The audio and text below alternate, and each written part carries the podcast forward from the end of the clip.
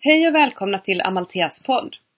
I det här avsnittet får vi lyssna på en föreläsning med Anne Decker från Sea-Watch från konferensen Maps of Solidarity, International Conference on Borders and Justice, som hölls i Malmö i början av september 2019. Anne är aktiv i Sea-Watch i Amsterdam och talar här om det arbete Sea-Watch gör för migranter i Medelhavet samt den repression organisationen mött den senaste tiden.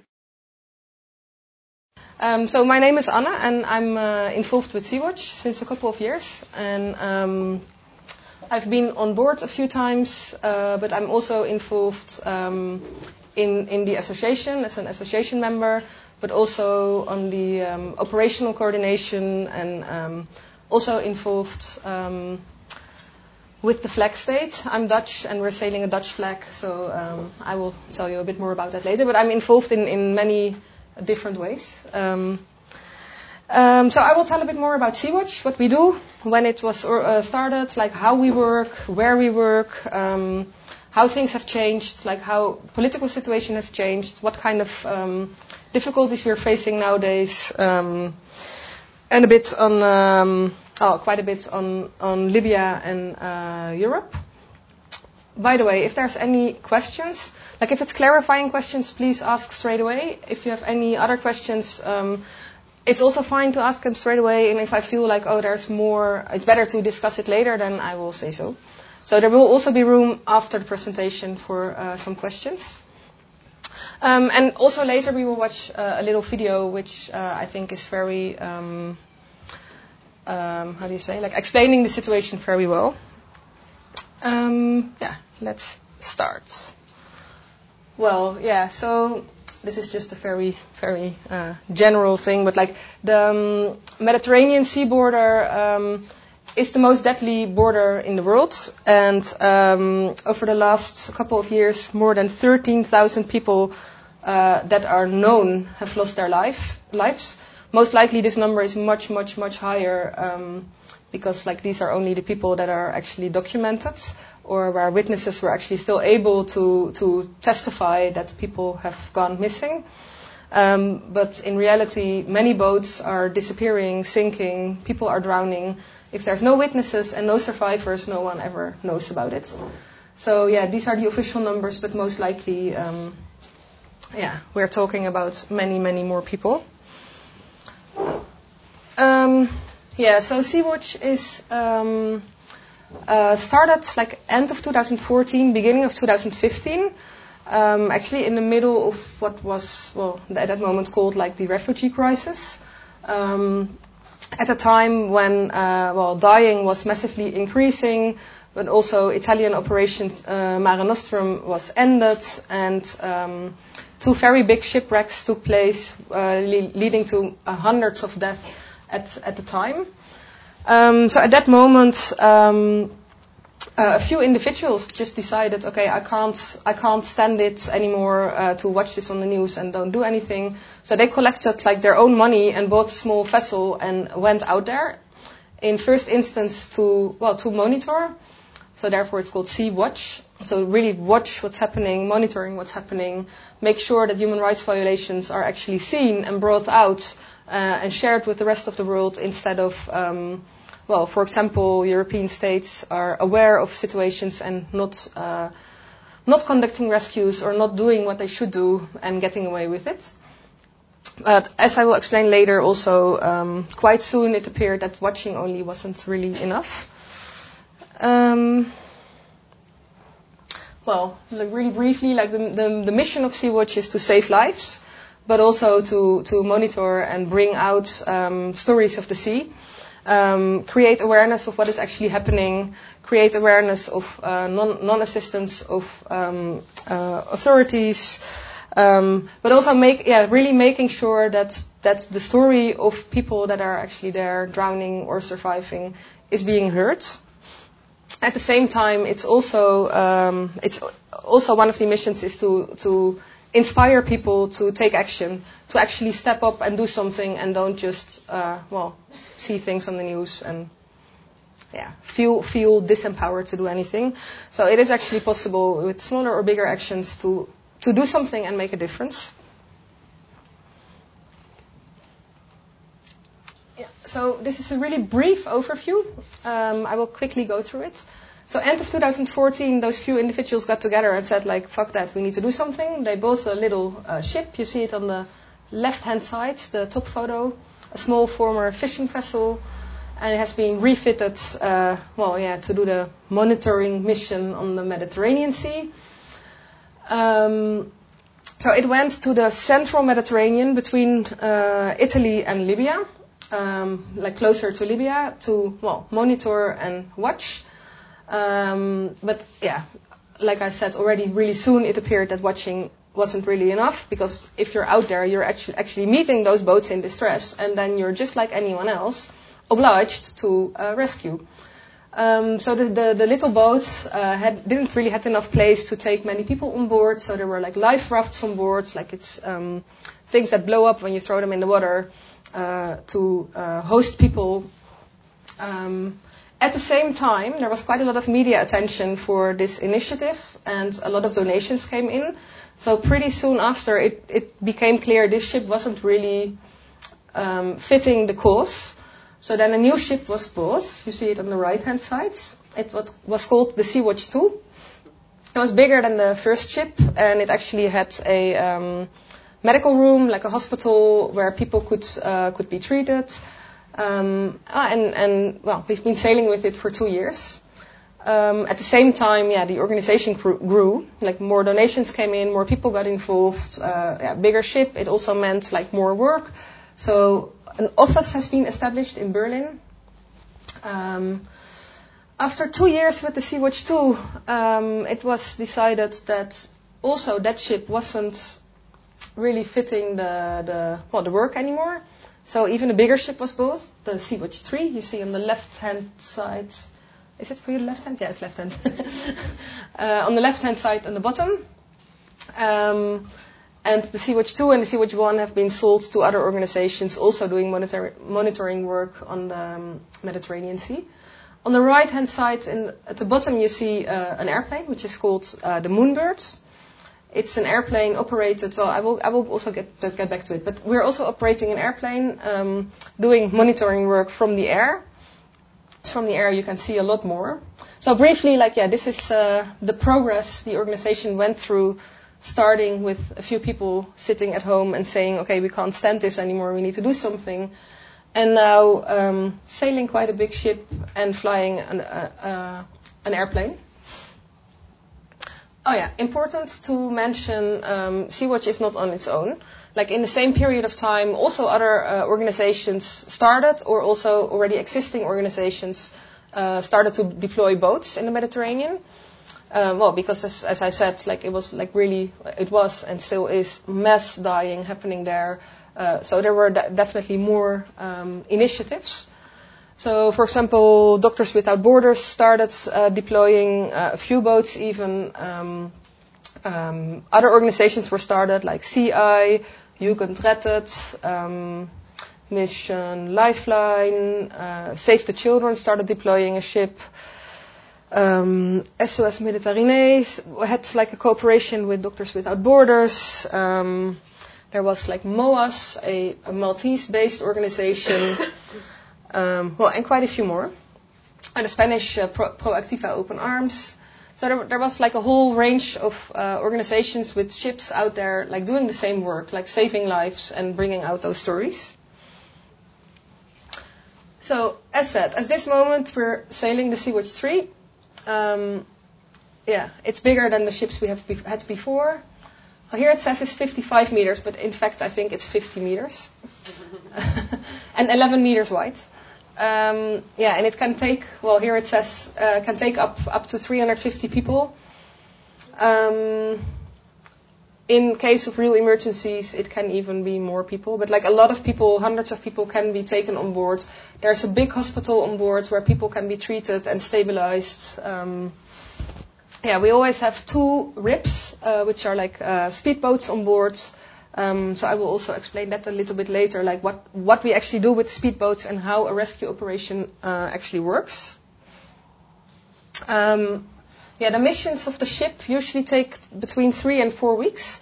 So people come on board. Um, so that's also important to say. Like we started like as a 100% volunteer organization, but like in the well growing as we just also saw nowadays, there are a few positions on board which are being paid, which is yeah necessary also to keep the um, keep the ship safe, like to have a certain continuity on the ship, to be able to um, well, on a technical side, but also on an operational side to yeah, ensure uh, safe operations. Uh, but still, the, the vast majority is volunteers that come to the ship for a period of three or four weeks uh, of time, uh, yeah, being on board, and um, after that, usually go back to their own work again. Also, in that way, um, like over the last four years that we've been operating, yeah, hundreds of people have been involved um, in the ship, like in operations. Well, here you see the the Moonbird. Um, so this is uh, our airplane it's operated together with the Swiss organization uh, Humanitarian Pilot Initiative. And I think we're operating the Moonbird since 2016. Just checking, yes. yeah, so from, from the air you can oversee a lot, lot more than from the sea. So for example, like from, from the ship, like you can only oversee a very um, small area. Like from yeah, from the ship you can maybe like maximum see no, maximum see like five to ten nautical miles away from the ship, uh, and from the air you can see like like yeah, a lot a lot more uh, at once. But also you move like a hundred times faster, so there's much bigger area that is actually uh, being able to uh, be monitored. What the Moonbird also does is um, well, supporting uh, the coordination of rescue missions, but also documenting human rights violations. So, for example, illegal pushbacks by the um, Libyan Coast Guard, but also non-assistance of European vessels. Um, I mean, I will come back to that later, but like people in distress, like there's always an obligation to rescue people. So there's there's no excuse for um, non-assistance. Uh, so, the, so the um, both on the Moonbirds and on the ship, there's always journalists on board to be able to actually document stuff, stuff like that. Um, yeah, and so this is used to to also um, increase political uh, pressure on the EU to actually do what they should do.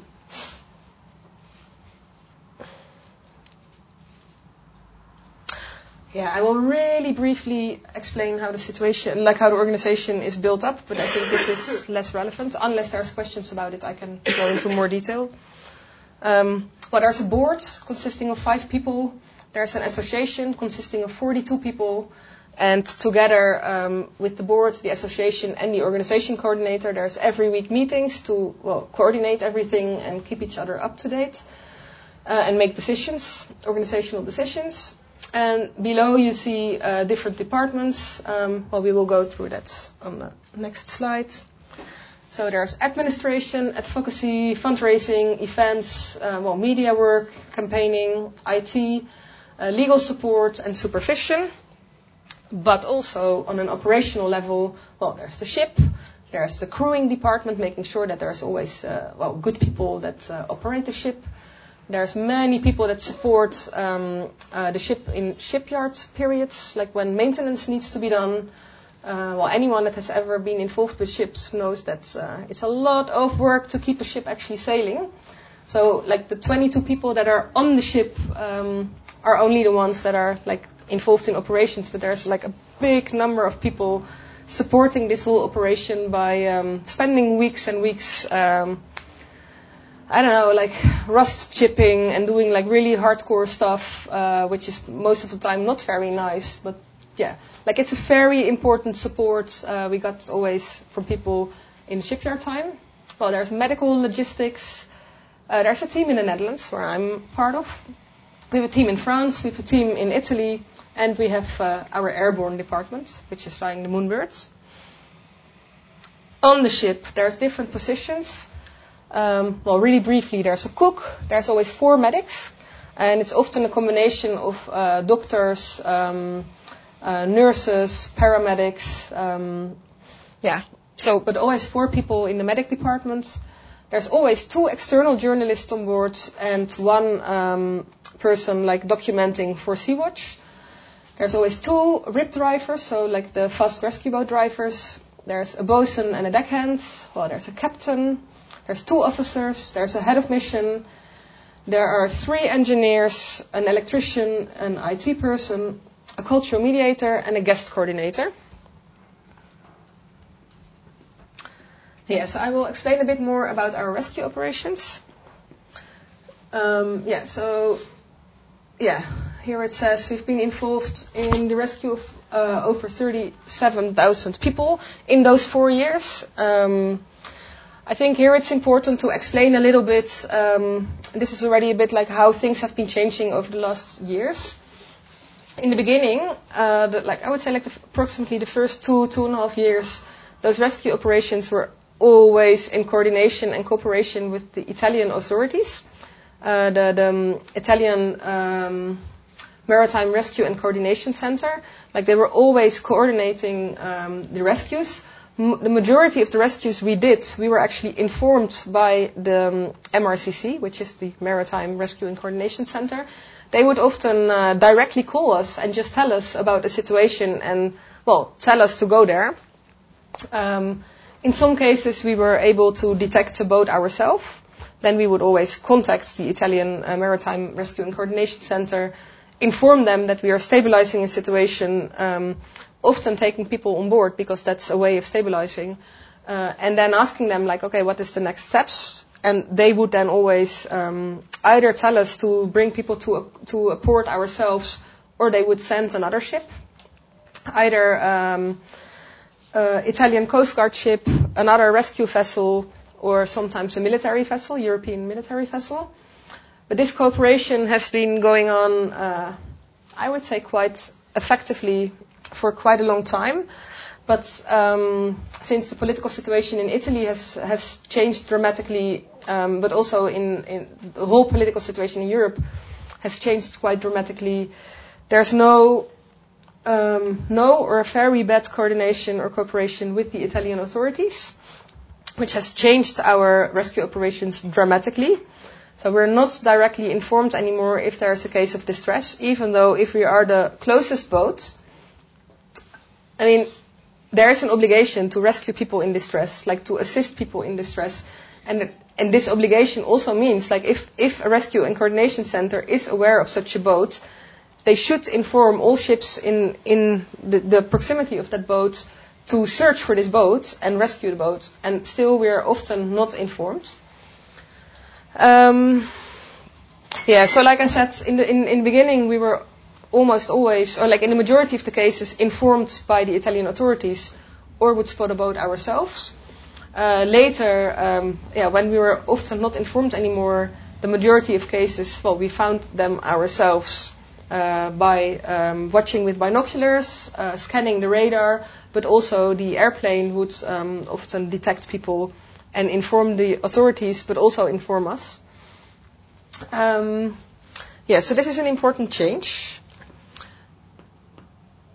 So a bit of the legal framework we operate in, like I already said, there is an obligation to to um, to render assistance to anyone in distress. I mean, this is really clearly stated in international law, and it's a total violation not to assist. Uh, so you can be prosecuted, and um, sometimes, in some cases, for example, uh, merchant ships that are in the area and that are not, well, assisting are actually still prosecuted, also by the Italian authorities. Uh, so this is a real clear obligation. It's not only like a moral uh, standard which everyone should have anyway, but it's really clearly um, a legal obligation. I mean, the second important thing in the legal framework we are operating in is like that everyone has the right to seek asylum. Um, and the third very important p- uh, pillar is like the non-refoulement principle. So someone that's fleeing a country, uh, like has the right to not to be sent back. Like it's it's again a violation of international law to send someone back to a place where this person is actually running away from and where safety might be endangered. Um, yeah, important here also is to, to know like a rescue is only um, uh, completed once people are actually disembarked in a, a place of safety.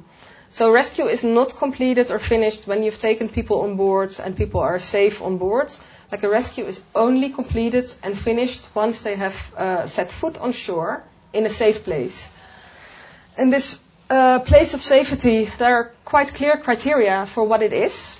So, for example, um, well, people need to have access to, to basic care, access to medical care, and protection uh, against persecution, but also against uh, refoulement. So that even like if they're um, not brought back in the place where they fled from, uh, that they are not being by this other country being um, brought back.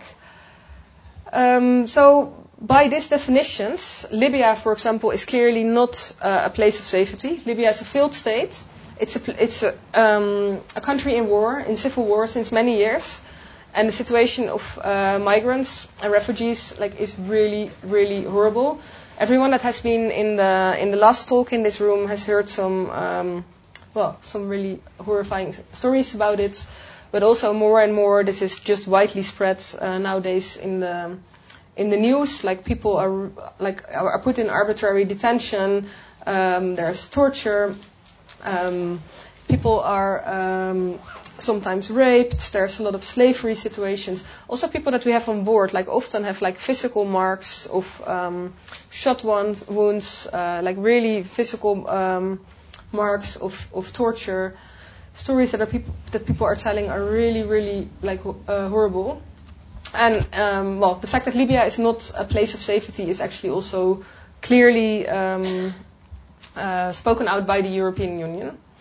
So this is why we we can never, we will never bring anyone back to Libya. But for example, also when Europe was still involved in rescues in the Mediterranean, they also never brought someone back to Libya. Nowadays, European Union is just outsourcing this practice by uh, paying the Libyan Coast guards to making sure that people are, uh, first of all, not being able to uh, to actually flee from, from Libya, and if they are, they are just paying the Libyan coast guards to catch people and bring them back. But this is a very important um, uh, standard to also understand like the the um, yeah the framework we're operating in. So also merchant ships that are involved in rescues are never allowed to bring people back to Libya if people are fleeing from Libya. Still, sometimes this is uh, well, this is happening because people are told by the Libyan Coast Guard that they have to bring people back. Uh, this is a very serious violation of uh, the human rights of the people on that boat.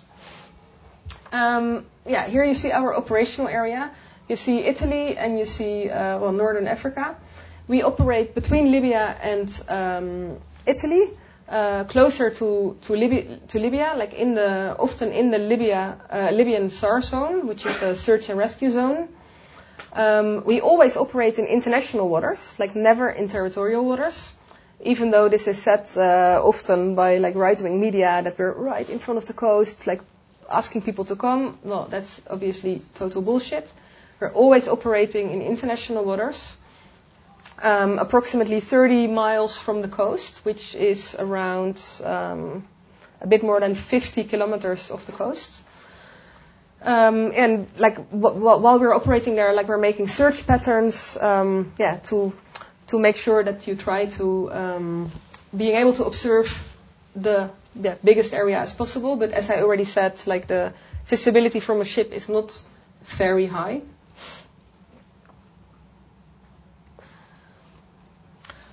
Uh, yeah, like I said, we uh, often monitor with binoculars and uh, watching the radar really closely and like obs- observing the radar. Um, other other ways, like how we are uh, informed about uh, uh, ships in distress or boats in distress, is listening to radio conversations, but also taking very taking a really very good um, well analysis of the weather circumstances and like the swell so you can kind of estimate, like, if people might have left and come into trouble, they might be around that area at that time due to, well, winds and waves bringing you in that direction. But it became a lot harder since uh, the Italian authorities are not just telling us there's a boat in distress and you should do something. Um, well, here you see like a typical boat that we would uh, would or could run into. Um, as you see, it's uh, clearly overcrowded. Uh, there's many more people on board than that uh, well, would normally fit or would be considered safe. You can also see that the boat is already partly deflated. Um, like the tubes are not uh, not fully inflated anymore. People are not wearing life jackets. Um, well, you cannot clearly see, but you can assume that there is no um, no other rescue equipment on board. There is no navigational equipment on board. Uh, most likely there is no food uh, or not enough food or not enough water on board because you can see like it's really full with people. Such a boat is by definition in distress. Even if the tubes would be fully inflated and it looked, would look very good, such a boat is by definition in distress exactly for the reasons that I just mentioned. Like there's no rescue equipment on board, people are not wearing life jackets. Um, a boat, like a tube, can deflate any moment. Like uh, it can look perfectly fine, and a second later, like like it, the tube can explode, and there will be 150 people in the water uh, that usually cannot swim. Um, yeah, so so a boat like this is not only by our definition, but this is also the definition of the Italian Coast Guard by definition in distress. Uh, we often see this kind of boats, but we also sometimes see wooden boats. Um, in different sizes. There's like relatively small sizes, but also quite big sizes. And the bigger boats often have uh, several decks, like two or three decks. Um, a big risk of the wooden boats is that they can capsize because they're obviously also overcrowded. Um, and so if people go, like if too many people go to one side, a boat can capsize. Same problem, people are not wearing life jackets and can usually not swim. But an additional problem to wooden boats is that um, people that are in the lower decks are, are well, trapped, trapped like herrings. There's no way they can get out. So if a boat capsizes, like those people are lost for sure. Another problem with wooden boats is uh, that yeah, people are on the lower decks often in a situation um, that they can uh, suffocate, like from lack of oxygen, but also from the exhaust fumes, uh, fuel uh, uh, fumes, what we often see um, more often on the rubber boats than on the wooden boats.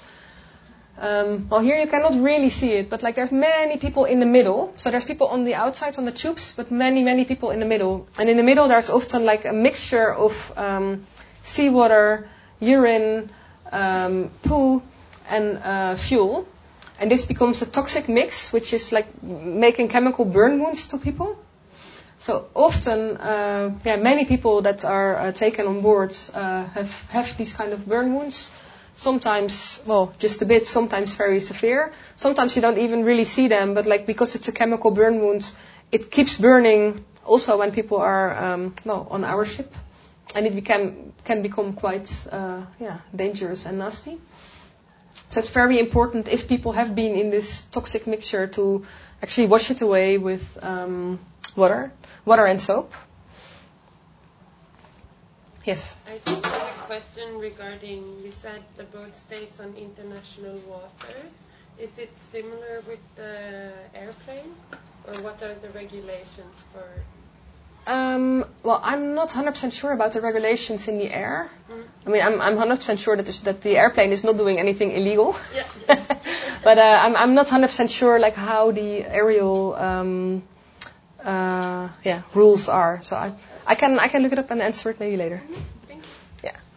Um, so here you see our uh, um, RIBS, the the speedboats.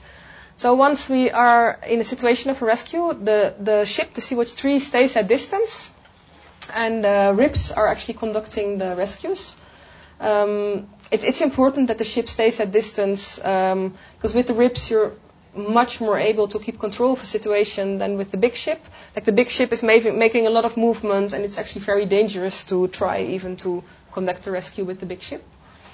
You see in the back there is this orange thing, which is uh, like a raft full with life jackets. So in this case, I think this is approximately 150 life jackets in the raft. Because, um, well, I think we get there with the next slide. Yeah, so there's always a cultural mediator on board of the RIBS who will make the first contact, um, tell people who we are, that we're there to, uh, well, to help them, to save them, and tell them how we're going to do that. Always, um, we will start handing out life jackets because, as I said before, a situation can look stable, but it can change any moment. uh, either by panic starting, by a tube deflating. Like, yeah, we have we have seen it unfortunately too often that a situation was stable and within seconds there are as many people in the water. So always, always, always stabilize the situation with handing out life jackets. The well, the cultural mediator is um, yeah trying to calm down the situation, explain what's happening. Uh, usually trying to speak only with one person, and this person is then telling the other people. So in that way, you get like uh, yeah not a screaming situation. Of course, this is not always as ideal as uh, it ideally would be. Um, well, here you see once people are wearing life jackets, like it even seems to be more people. there are so many people like yeah squeezed in the middle that you don't initially see. Um, one, once the situation has been stabilized, uh, one person of the medical team will try to find out if there's urgent medical cases that need like urgent uh, care at that moment, and also finds out like if uh, are there small children or pregnant women. Um, so try to get an overview like of what is the situation and the medical needs. And then uh, in smaller groups, people will be transported to the ship, um, yeah, like by the RIB, and then taken on board. Well, yeah, this is the situation. What I said, like it can change any moment. Luckily enough, people have already been handed out life jackets, but still, this is a very, very dangerous situation, and for sure also bringing panic to the people that maybe are still on the ship. Um, in the back, you see the Sea-Watch 2. At that time, we were still operating the Sea-Watch 2. Um, I'm not exactly aware of this exact situation, but I can imagine that, uh, well, we were here in time and hopefully everyone was rescued here. But it's not always the case. Sometimes, yeah, we're too late and uh, uh, yeah, have to deal with people drowning, or sometimes we're just arriving too late and many people have already drowned. And um, yeah, this is a very difficult situation. Um, well, here you see a shot of our hospital, one of our doctors. Um, yeah, as I said, there's quite a big uh, field hospital on board with um, yeah with a lot of facilities to treat people. But still, I mean, it's a field hospital on a ship. It's not a proper hospital as on land. So people can be can be stabilized, can be treated, but it's not a place where you can have like long-term treatment of severe illnesses. Uh, it's also not meant for that. Like it's a rescue ship, so people are supposed to be rescued and then brought to land. Um, yeah, so once people are on the ship, they always get a rescue blanket, they get a medical um, examination, they get uh, well, a warm blanket depending on if it's cold. They get food, they get water, and they get information of what is happening. And um, well, in the past, like I said, either we were told to go to a certain port to disembark people ourselves, or another ship would come and take the people and bring them to land. Um, so yeah, it used to, to be like uh, that people were on board maybe a few hours up to one or two days. Nowadays, situation is sometimes quite different because uh, ports have been closed and we're ending up with people on board for a very uh, long period of time. But I will get back to that later. Yeah, so here you see the disembarkation in Italy uh, from people. I mean, the causes of flight. I think most of you are very aware why people are, are fleeing. So I will really quickly go through it, but not spend a lot of time in it. Obviously, people are uh, fleeing for violent conflicts, but also, um, well, other conflicts, insecurity, um, but also lack of food, lack of access to uh, education, lack of access to um, medical care, lack of access to safe water. Um, yeah, and of course, like uh, grave human rights violations, um, which are many more. then we're facing, so when people are fleeing, like we're facing clear uh, deterrence policy from the European Union. So here a small summary, like criminalization of um, civil sea rescue. I mean, I can tell you a lot about it, but I will try to, uh, for now, keep it brief. If we have more time, I will go in more detail. Um, but for example, um, uh, Jugendrettet, the German organization, their ship has been seized already two years ago, and their crew has been um, under investigation and under threat of um, um, prison sentences up to 20 years. yeah, that's quite severe. um, the crew of the Open Arms, this is like a Spanish vessel, has been investigated for over a year, like the captain and the head of mission. But after one year, the investigation has been closed. Uh, we have had, well, we have still two captains under investigation with Sea-Watch, who are also potentially facing up to several years imprisonment. The Aquarius was a ship ran by the uh, by Doctors Without Borders and SOS Méditerranée. Um, they had have they have had a um, investigation uh, quite ridiculously for bringing in um, toxic waste to Italy. And like the toxic waste in that case was the migrant clothes. Yeah. Um, and the argumentation was that they would bring in like HIV and diseases. Um, be transmitted by clothes. of course not. It's totally ridiculous. No, the the the, the, um, the um, remark was this cannot be transmitted by clothes. No, it's it's extremely insane. But this is like the level of bullshit that we're all facing. This investigation has been closed in the end, but it brought a lot of trouble. Like it, um, I think 24 people were under investigation for that. The ship has been temporarily seized. Um, yeah, so there are many, many different ways, like how sh- people and ships have been uh, criminalized. On top of that, there has been a lot of administrative administrative obstruction by different states. Um, among others, like Italy has put on many ships uh, many stupid administrative um, uh, research or blockades, but also the Dutch authorities, like and the Sea, Sea-Watch 3 is sailing under Dutch flag. The Dutch authorities have uh, came up with um, uh, new administration rules for ships um, systematically involved in uh, the rescue of, um, well, systematically taking people, rescued people on boards uh, which is basically only one ship, the Sea-Watch 3. And these new rules were in effect like from one day to the other. So from one day to the other, this ship was not allowed to be uh, operational anymore. We have had several court cases, and uh, for now we, we won all those court cases, and the ship is back into operations, at least on that part. But we're also still seized by the Italians. Um, but also the Spanish authorities have made like really uh, well fucked up um, administrative blockades of the open arms. The Maltese authorities have made blockades of several ships, including um, the Sea-Watch 3, but also the Lifeline, the um, Sea-Eye's, the Seefuchs. Um, yeah, four ships have, have been blocked by Malta for several months. Um, the Gibraltar authorities revoked the um, the flag of the Aquarius, and two weeks later, when they got a new flag under well in, in Panama, the Panamese authorities revoked the flag. So a lot of different uh, countries are involved in many different ways in both criminalization and administrative blockades.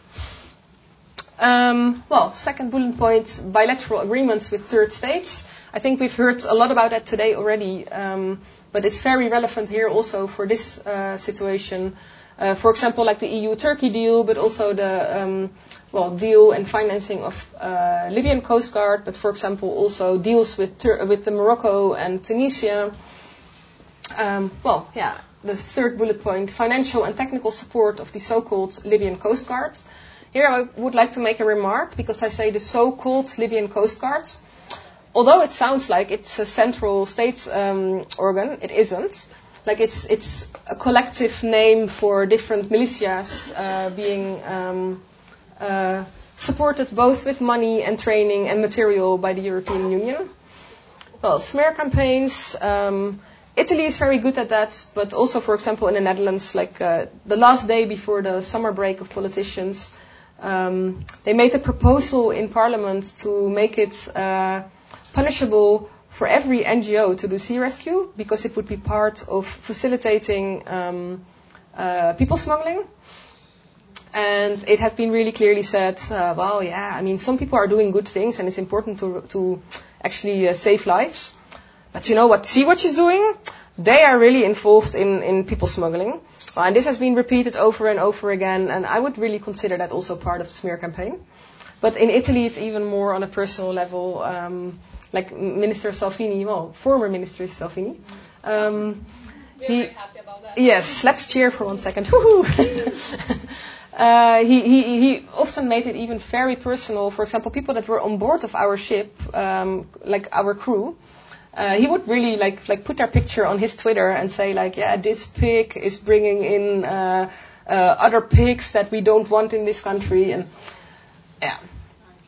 Uh, well, closure of uh, safe ports for civilian rescues. So since the um, yeah now I can say former government got in place in Italy last year, the Italian authorities have closed their ports for um, ships carrying migrants.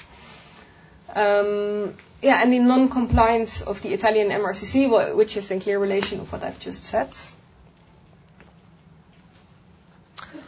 Um, yeah, and then yeah, here you see like the the um, more active forms of uh, walls and and stronger um, um borders. So, like I said, it can be um, um, agreements with, for example, Tunisia or Morocco, or it can be like real walls that have been uh, erected in Europe, or the EU-Turkey deal you see. So it has became, became more and more and more difficult to actually reach Europe in any way, um, leaving Libya as one of the only gaps to try to reach Europe. Obviously, Europe has reacted to that by trying to block people because this is not what the European Union wants. Um, well, and the criminalization of people, uh, yeah, conducting rescues have increased even more and the, um, the money, material, and training that went to the Libyan Coast Guard has also increased even more in any, any way to try to stop people reaching Europe alive. Hmm? That's the point. Yeah. They can arrive alive. Yeah. And that, yeah. That's also, sorry to interrupt. no, like, no problem. Uh, I think in 2016, during one, uh, one meeting with Frontex, which is uh, yeah, I don't know how to say, like an international European something who do like about borders and stuff. Like they asked about how many migrants has died in the in the Mediterranean, and the official answer by Frontex was they are no longer migrants because they are dead. For us, they're just numbers. Yeah. So that was the official yeah. answer. Yeah. I mean, the, the, the, the clear overall and, and spoken out aim is that just no one arrives the shore of Europe. And that's what for like all this money is going to all those, uh, well, militias that I just said. Uh, and often those militias were the ones that were actually previously involved in, in the smuggling. But at this time, the, um, the money they receive to stop people is, is, uh, well, is more than to be involved in the smuggling. Um, yeah, and at the same time, like the, the aim is to try to have like no ships at all um, present that could actually save people. So in that way, no one should arrive uh, Europe alive.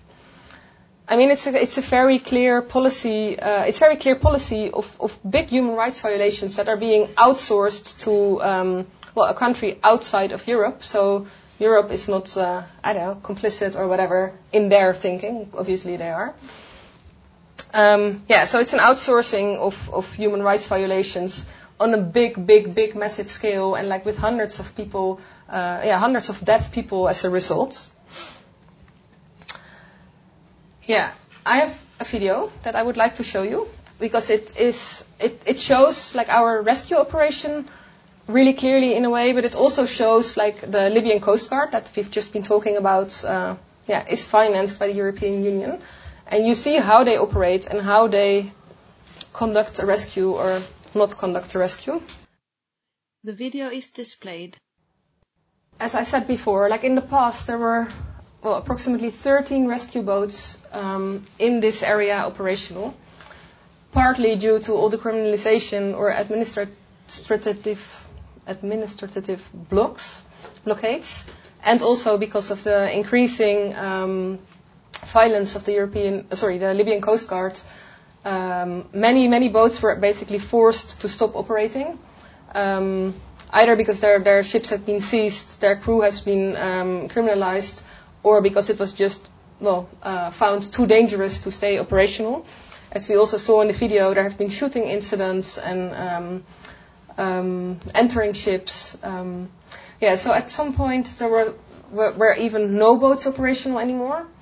Um, after a while, some ships managed to get back, um, uh, among which uh, Sea-Watch. Like we've been blocked in Malta for four months, but in the end, we managed to uh, get out there. And um, actually, what we just saw in the video was the very no, that's not true. Was the very first operation of the Sea-Watch 3, not after the blockade. It was before the blockade.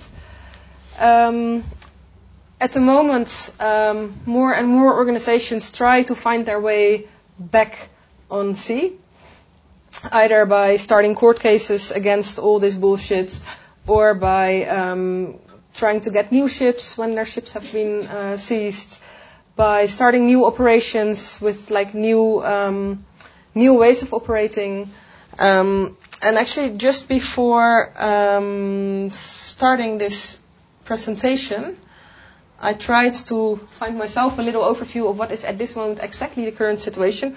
So as I said before, like there, there is still a, a case running against 10 people of the organization Jugendrettet, and they're facing potential really high um, uh, prison sentences. Uh, there's two captains of Sea-Watch still under investigation, also potentially um, uh, facing uh, yeah, high prison sentences. There is cases like administrative cases um, against Sea-Watch 3 and the Open Arms. The case for the contaminated waste has been uh, closed. There's still a case against the Lifeline captain in Malta. Um, another case against the captain and the head of mission of the Open Arms has been closed after one year. Um, yeah, the Open Arms, the ship itself, has been blocked in many different occasions uh, for many different reasons.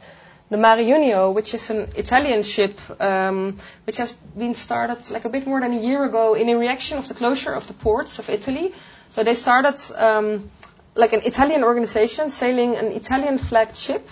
Uh, also with the idea like, well, it would be very difficult for Italy to close its ships, uh, its ports for Italian boats. But obviously this ship is also facing um, well, a lot of uh, blockades and bullshit by the Italian government, but it has just been released a while ago again and is at sea right now. Um, has done a rescue and has people on board right now that are in need of a place of safety. There is um, the Josefa, which is a ship run by a relatively new organization which is called RESQSHIP. They have also people on board, and um, no, they don't have people on board. Sorry, I'm now getting confused. There is the Alan Kurdi, which is a ship by the German organization Sea-Eye. They conducted a rescue today. Um, uh, Mission Lifeline, like their former ship is still being uh, blocked, but they got a new ship and they conducted a rescue three days ago, and they still have people on board that are in search for a place of safety.